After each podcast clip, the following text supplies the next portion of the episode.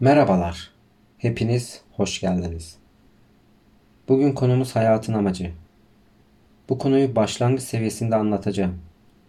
İleride isterseniz ikincisini de yaparız. Konu itibariyle çok geniş bir konu olduğu için biraz kısa geçeceğim bu bölümde. Şimdi tekrardan konuma dönüyorum. Hayat amacı dediğimiz soruya tek bir yanıt vermek oldukça güç. Bu konu diğer konular gibi net olan bir konu değil. Kişiden kişiye göre değişen bir konu. Peki sizin hayatınızın amacı nedir? Yoksa amaçsız bir hayat yaşadığınızı mı düşünüyorsunuz? Cevabınız evet ise yalnız olmadığınızı söylemek istiyorum. Zaman zaman hepimiz bu konudan muzdaribiz. Mesela benim hayatımın amacı her ne yapıyorsan yap, bununla diğer insanlara da katkı sunabilmektir.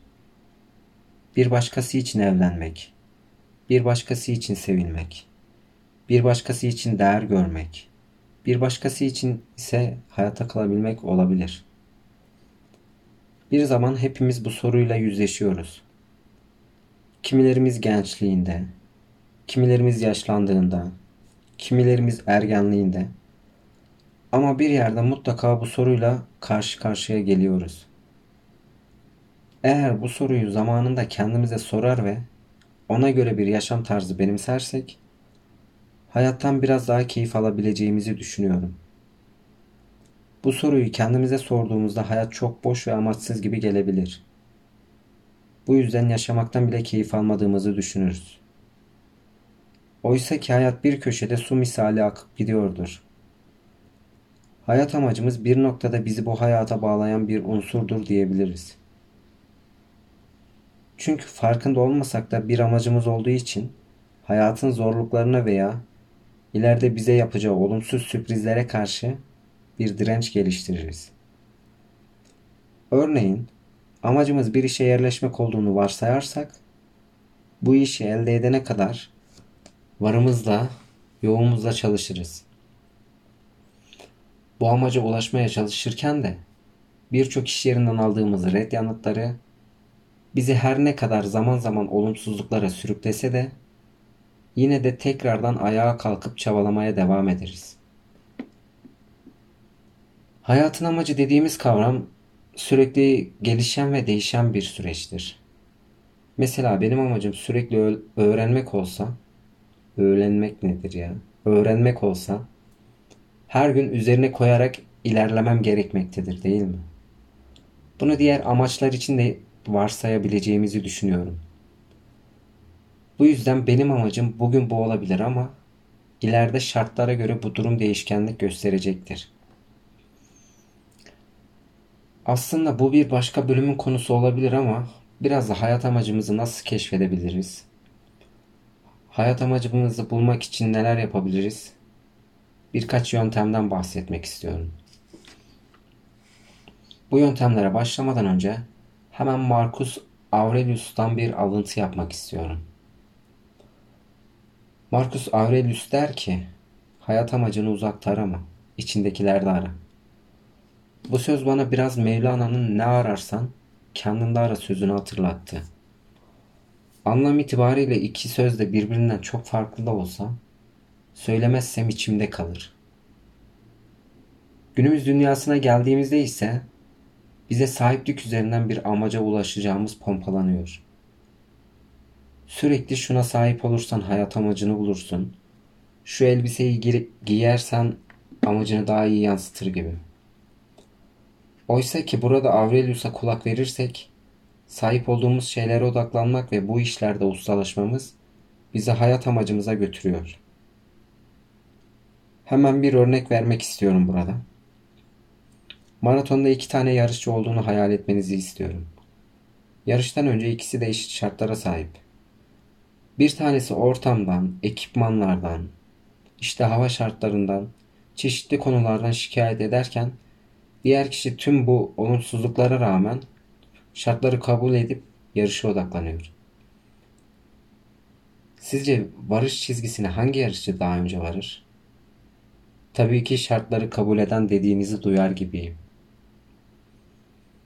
Hayat amacı belirlediğimiz şey her neyse ruhsal depomuzu da besliyor. Bu yüzden kendimize bir hayat amacı seçerken ruhsal depomuzu besleyecek bir amaç seçmeye özen göstermeliyiz. Bu konuda zengin insanların en güzel örnek olacağına inanıyorum. Bu insanların şu an işlerini bıraksalar dahi ölümlerine kadar yetecek paraları var. Fakat bu insanların farklı farklı fantaziler peşinde olduğunu görüyoruz. Örneğin Elon Musk'ın uzay çalışmalarında yer alması gibi. Çok aktif rol alıyor. Şöyle bir baktığımızda ise Elon Musk'ın uzay çalışmalarında yer al almaması kendisine bir şey kaybettireceğine ben inanmıyorum açıkçası. Çünkü şu an 5 tane şirketi yönetiyor ve yönettiği bu 5 şirket dünyanın en değerli şirketlerinden ve sayılı şirketlerinden birkaç tanesi. Hayat amacı olarak seçtiğimiz hedefin diğer insanlara da katkı sağlaması noktasında bir şey olması gerekiyor. Düşünsenize hayat amacımız tamamen kendimize odaklı, tamamen kendi iyiliğimizi isteyen, tamamen kendi menfaatlerimiz ve kendi çıkarlarımız üzerine odaklı olan bir hayat amacı benimsediğimizi. Bu durumda biraz tefeci gibi olmuyor muyuz? Elbette bu da şu demek değil. Hep de başkaları iyi olsun. Burada en iyi yöntemin dengede olmak olduğuna inanıyorum. Hayat amacı seçtiğimiz şey her neyse hem kendimize hem de diğer insanlara karşı da iyi şeyler yapacak. İkisinin de dengede olduğu bir rota oluşturmaya gayret göstermeliyiz. Son olarak ise hayat amacı dediğimiz kavram maalesef ki teorik bir kavram değil. Biraz da yola çıkıldığında öğrenilen bir kavram.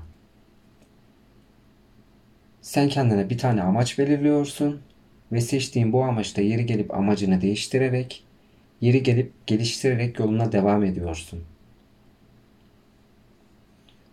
Bu yüzden hayat amacı dediğimiz kavram veya kendimize hayat amacı olarak seçtiğimiz şey her neyse bunun ileride yaşadığımız tecrübelerle, deneyimlerle, öğrendiklerimizle sürekli değişerek, gelişerek devam eden bir süreç olduğunu unutmuyoruz değerli dostlar.